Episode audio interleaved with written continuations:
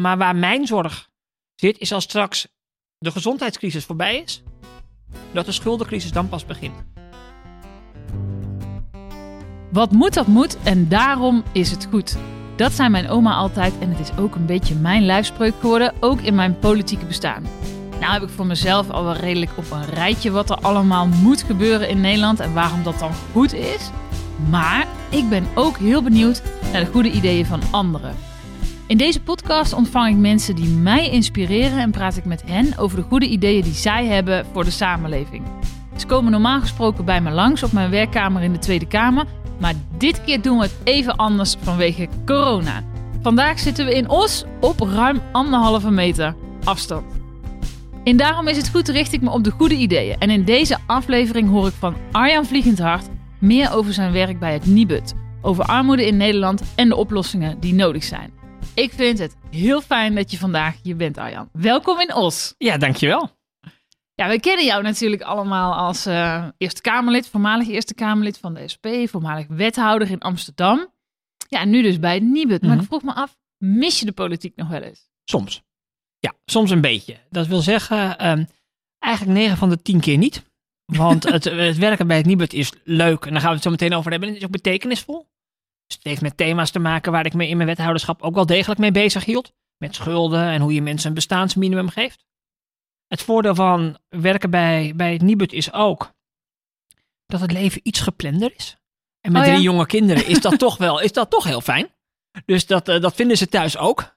Ik ben nu bijvoorbeeld nu voetbaltrainer eh, bij, bij mijn dochter. En dat had eh, met het wethouderschap echt niet te combineren geweest. Nou, daar hoef ik jou niet, eh, niks over te vertellen hoe dat dan hoe dat gaat in de politiek. Dus dat is vaak heel fijn. Ja, want, want hoe ziet een gemiddelde dag van de directeur van het Nibud eruit? Wat doe je zoal op een dag? Nou ja, we, eh, re- re- relatief een heleboel van eh, praten met banken over wat zijn nou verantwoorde leennormen voor iemand die een huis wil kopen. Tot advies geven aan schuldhulpverleners over hoe ze het goede gesprek kunnen voeren met mensen die, die schulden hebben.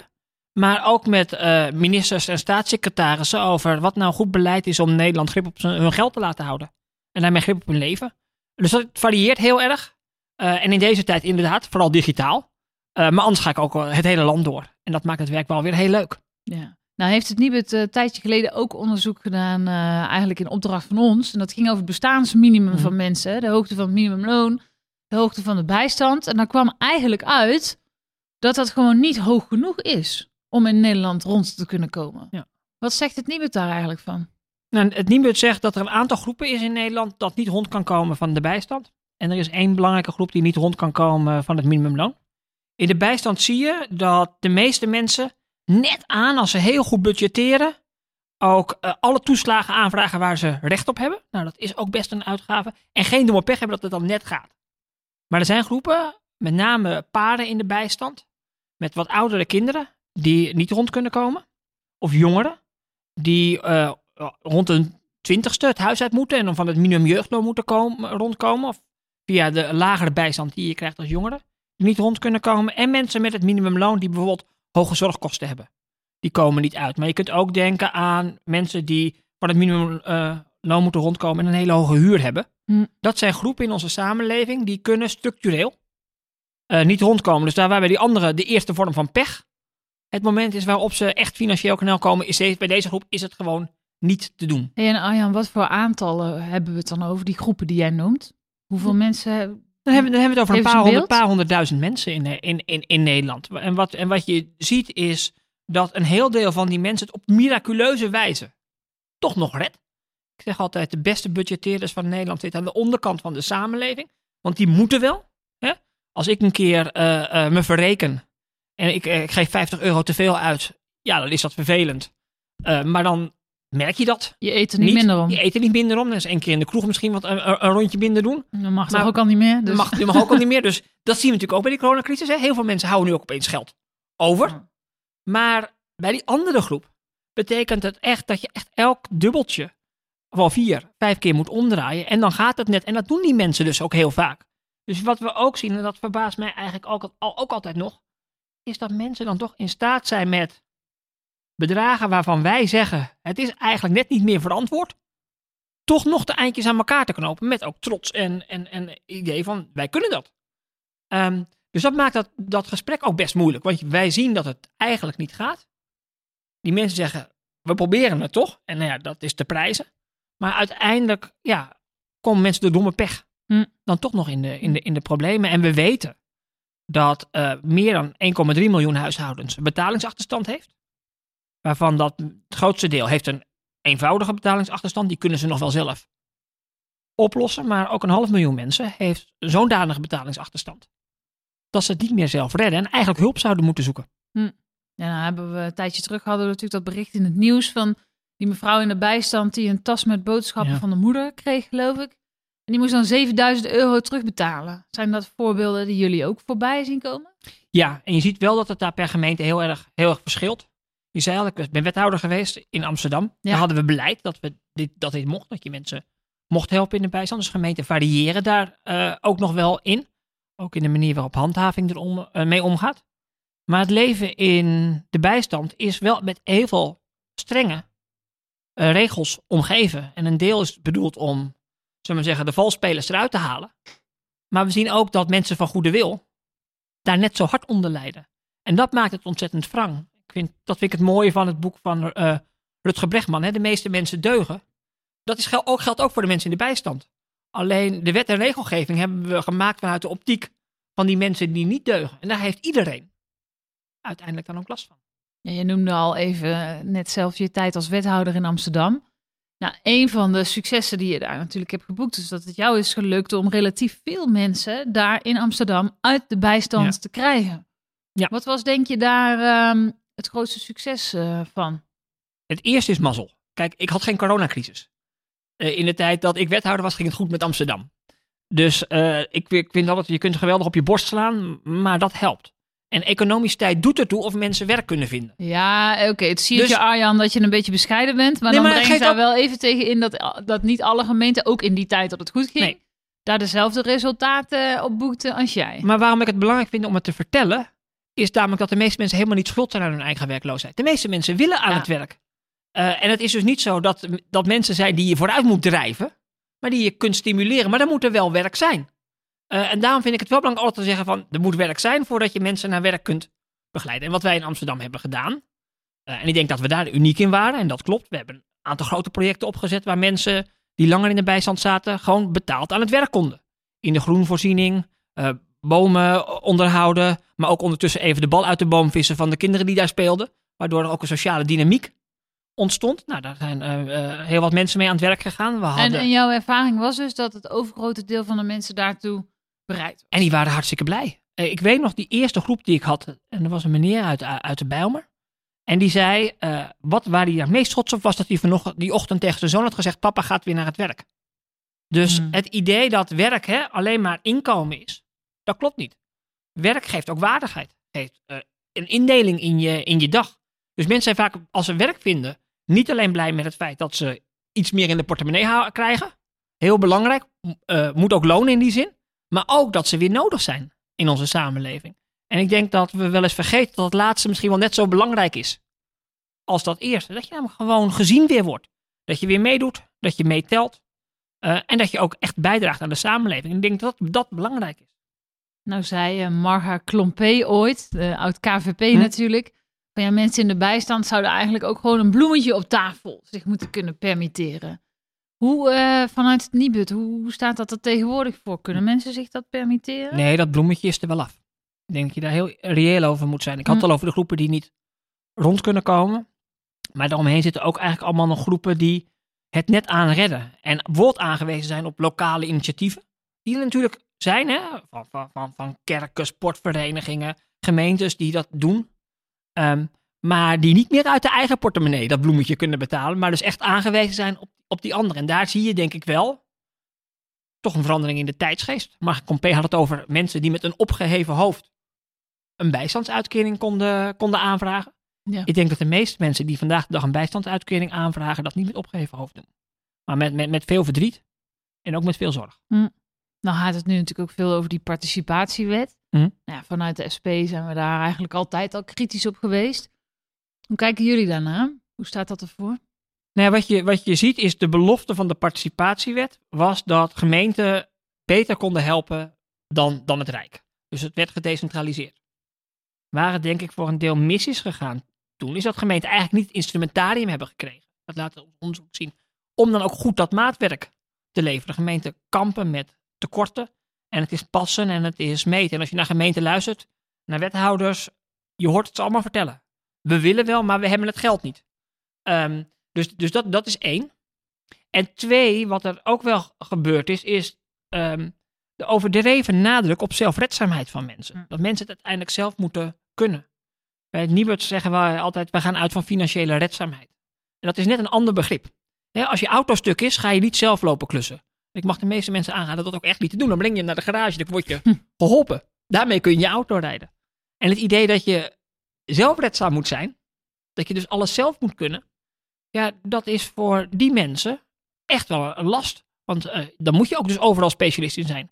En moet je dus heel goed weten hoe de wet is. En inderdaad, dat je moet, moet je weten dat als je een boodschappentas krijgt, dat je hem eigenlijk moet melden. Bij, bij, bij, bij, Ja. bij de gemeente. Ja, en dat leidt dus er dus ook toe dat dat systeem op een gegeven moment ja, mensen ook kan Maar- vermorselen. Is het systeem daarmee ook te ingewikkeld gemaakt Ja. eigenlijk, zeg je dat? te, te ingewikkeld. Te veel afhankelijk van dat er echt dat mensen een grote organisatiekracht hebben, dat ze al die toeslagen weten te vinden. Hm. En vergis je niet, de meest aangevraagde de toeslag in Nederland is de huurtoeslag. En daarvan maakt 87%, nee 83% maakt daarvan gebruik, dus 17%. Bijna 1 op de 5 mensen die er recht op heeft, maakt er geen gebruik op van. En je- al die andere toeslagen worden dus nog minder gebruikt. Dus je ziet, Dat- Eén op de vijf mensen die er eigenlijk wel voor in aanmerking zou komen, die, maar die vraagt het dus gewoon niet aan. nee, die vraagt dus niet dus aan. die ze- krijgt het niet, maar die heeft het eigenlijk wel nodig. Ja, die eigenlijk wel nodig. En die, of die weten het niet. Hm. Of ze zijn bang dat ze moeten terugbetalen. Nou, denk aan de kinderopvangtoeslag. Hm. Eh, vinden het te moeilijk, het formulier, om dat, goed in, om dat goed in te vullen. Kan tal van redenen hebben. Maar dat betekent wel dat die mensen dus ook in hun inkomen eigenlijk een bron van geld missen. Waar bijvoorbeeld het Nibud wel mee rekent als het gaat om kun je rondkomen of niet.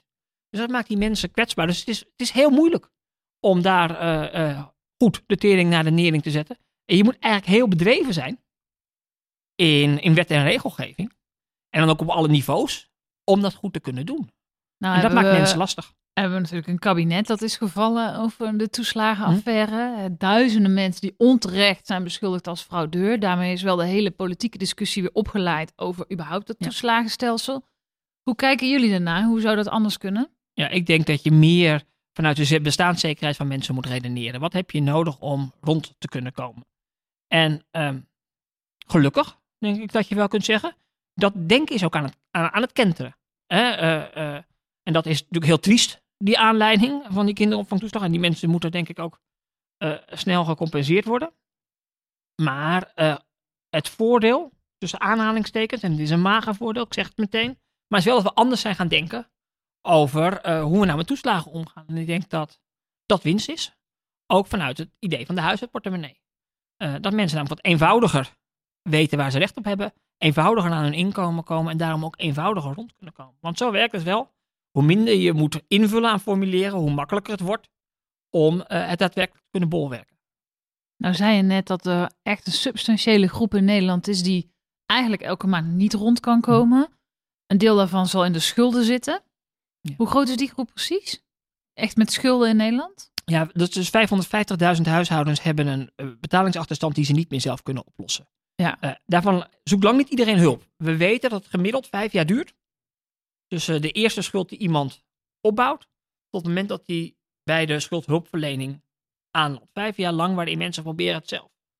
Ja, zichzelf te redden. En vaak denk ik die schulden alleen maar zijn opgestapeld, of niet? Ja, en, dan, Ja. en als ze er dan eenmaal zijn, zijn het gemiddeld 13 schulden met een bedrag Ja. eh, dat, dat, dat in de 10.000 euro loopt. Dus daar zie je dat in die vijf jaar eh, niet alleen de schulden zich opbouwen, maar ook heel veel verdriet met die schulden gepaard gaat. Nou, Mensen die toch het ene gat met het andere gat uiteindelijk proberen te vullen en ja, pas na heel lang proberen ook hulp accepteren.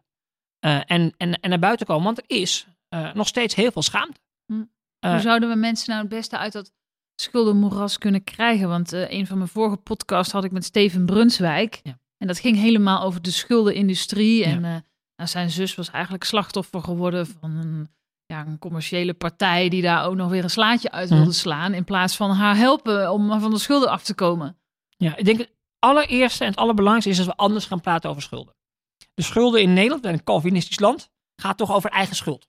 Dat je bent schuld aan je eigen schuld. Ik denk dat we daar veel uh, neutraler over moeten praten. Schulden zijn iets om hm. iets aan te doen. Uh, want we hebben in Nederland, dat is best uniek. Dat hebben we, uh, daar liggen we voor op andere landen. We hebben best een systeem dat mensen kan helpen. Maar dat, die mensen moeten dan wel erover durven praten. En ik denk dat dat een van de grote problemen is. Er is heel veel schaamte. En als we die schaamte weten weg te halen, dan gaan we, dan gaan we, dan gaan we sneller. En twee, in het systeem zelf, denk ik dat je sneller moet gaan kijken naar hoe zorg je ervoor dat mensen een schuldvrij bestaan uh, hebben. En er wordt altijd gezegd van uh, um, dat, dat in, bijvoorbeeld in de Verenigde Staten dat allemaal veel eenvoudiger is. Daar kun je bankroet gaan. Hè? En grote um, ondernemers pleiten zich daar gelukkig. Je bent niet een succesvol ondernemer als je niet een keer bankroet bent geweest. Nou, dat is in Nederland natuurlijk een ondenkbaar iets. Bij ons zit dat saneren pas helemaal aan het eind van het traject. Dus ik denk dat we sneller saneren. Dat dat een tweede belangrijke oplossing is, omdat mensen daarmee weer perspectief krijgen. En daarmee ook de, de tijd waarin ze in die schuld zitten, met alle leed die daarmee gepaard gaat, wordt verkort. Dus anders praten over schulden, hm. Sneller saneren. Ik denk dat dat twee dingen zijn die niet eens heel veel hoeven kosten, maar die de samenleving wel heel veel op, hm. uh, opleveren. Want um, uiteindelijk geldt daarvan ook het adagium van een kale kip kun je niet zoveel plukken. Hm. Dus wat je uiteindelijk ziet, dat mensen ook in drie jaar lang in die wat ze dan noemen de WSMP, hè, de, de schuldsanering voor gewone mensen, natuurlijke personen, ja, dat, die lossen lang niet alles af. Uh, dus er moet sowieso een heel deel worden kwijtgescholden. Um, maar als we dat nou wat korter maken, dan maakt dat voor het bedrag wat er terugkomt misschien niet eens zo heel veel uit. Maar kunnen mensen wel weer snel verder. Nou zitten we natuurlijk midden in de coronacrisis. En dat heeft heel veel impact op eigenlijk iedereen. Hm. Maar we zien ook dat juist voor bepaalde mensen, huishoudens, gezinnen op financieel vlak de coronacrisis natuurlijk keihard inhakt. Hm. Wat legt wat jullie betreft de coronacrisis bloot? Nou, wat het CPB ook bij, bij, de, troon, bij, de miljoenennota schreef. Dat bestaande uh, kwetsbaarheden vergroot worden. Dus dat het gat tussen mensen die het relatief goed hebben, omdat ze een vast dienstverband hebben en hun salaris op dit moment gewoon wordt doorbetaald. Waar de regering denk ik terecht die, die NOW-regeling heeft tegenaan gezet heeft. Dat die groep relatief goed door de crisis komt. Sterker nog, de DNB liet het zien, ze sparen meer dan ooit. Maar één op de zes Nederlanders, en dat zijn met name jongeren, flexwerkers en ZZP'ers, die betalen voor een heel deel daarvoor ook een deel van de prijs. Dus uh, jongeren die niet aan de bak komen, net afgestudeerd, uh, en eigenlijk niet hun eerste baan kunnen vinden, omdat werkgevers denken, nou ja, eerst maar eens kijken hoe het afloopt. Uh, flexwerkers die niet meer worden opgeroepen, omdat ze een nul-uren contract hebben en nou ja, daarmee de eerste zijn die daar in de inkomen op achteruit gaat. En zelfstandigen die gewoon hun klussen verliezen. En die groep gaat er gemiddeld een derde op achteruit. Dat is, dat, is ontzettend groot. Hè? We discussiëren in Nederland vaak over koopkracht. Stijgingen van 1, 1,5 procent. Ja. Maar dit is 33 procent moet je even door laten uh, dringen. Wat, wat dat betekent. Dat betekent het verschil tussen je wel je hypotheek en niet je hypotheek kunnen betalen. Dus die groep, die, uh, ja, die heeft het nu echt, echt lastig. En voor een deel wordt ze geholpen door de, door, door, door de TOZO. Maar waar mijn zorg zit, is als straks de gezondheidscrisis voorbij is, dat de schuldencrisis dan pas begint. Hm. Want ik zei net al, het duurt vijf jaar tussen de eerste schuld en mensen bij de schuldhulpverlening komen. Het vraagt iets van, van lange adem hou vol, zou Jaap van Dissel zeggen. Om die groep, ook als we straks allemaal geprikt zijn, hopelijk heel snel, uh, weer ook te helpen op een leven na de crisis. Want het is een groep die het gewoon ontzettend moeilijk heeft. Ja, jij noemt de mensen met onzeker contract, ZZP'ers, oproepkrachten. Zouden we niet ook gewoon veel meer, eigenlijk al voor corona, maar nu we dit in de coronatijd weer zien, veel meer moeten doen om te investeren in de zekerheid van werk en daarmee zekerheid van inkomen? Ja. Ik denk, ja, hè, ik denk dat uh, het begon al voor de coronacrisis. Je hebt het, uh, het rapport van de commissie Borstlab, hm. die het eigenlijk al had over eigenlijk dat, flex te veel, dat we te veel flex hebben. In Nederland flex verslaafd. Uh, spreekt, dat, spreekt dat rapport over. Dus dat dat zo is, daarvan zien we de pijnlijke gevolgen in de portemonnee van die groep in deze crisis. dus ja, voor zover we het niet wisten, want we konden het al weten voor de crisis, zien we het nu en zou denk ik goed zijn dat we veel meer werk maken van bestaanszekerheid. Dat dat weer terug op de maatschappelijke agenda komt. Dat vindt het Nibud ook belangrijk. Omdat bestaanszekerheid ook betekent dat mensen minder gebruik maken van de gezondheidszorg. eh, wat gelukkiger in het leven gaat staan. En dat daar de samenleving in den brede ook van profiteert. En denken jullie dat de, de steunpakketten, de steunmaatregelen die het kabinet nu treft, is dat voldoende? Zien jullie dat?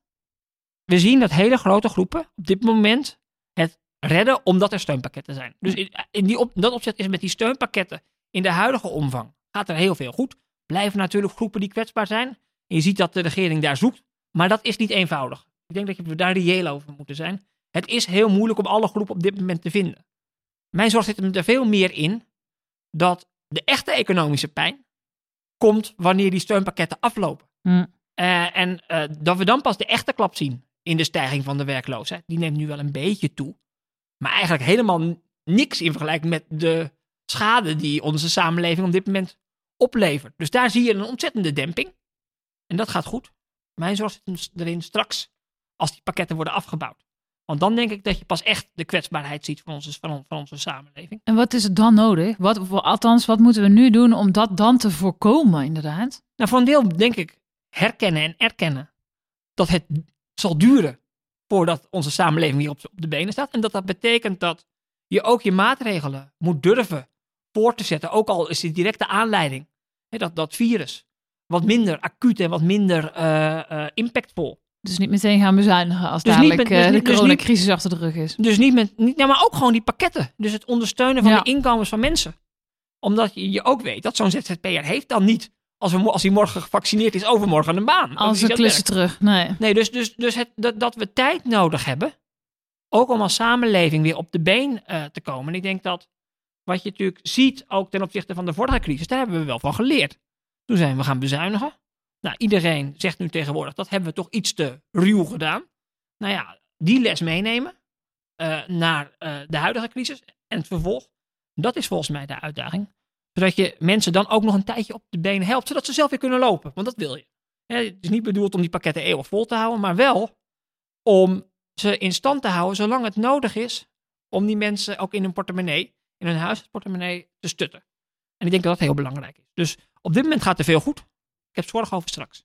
Nou is er natuurlijk ook veel discussie over het minimumloon. Mhm. Eh, nou, het is geen geheim dat wij natuurlijk al veel langer vinden dat dat omhoog moet. Maar ook zien we dat er steeds meer medestanders voorkomen. Hè? Mhm, Intussen is het zelfs in het programma van de VVD eh, beland. Ja. Ehm, hoe, hoe kijken jullie daar vanuit het Nibud naar? Nou ja, ik- zei net al, hè, je ziet mensen die tegen het minimumloon werken en een, echt een hele grote uitgavenpost hebben. Of het nou zorg is, omdat ze langdurige zorg nodig hebben, of hele hoge woonlasten.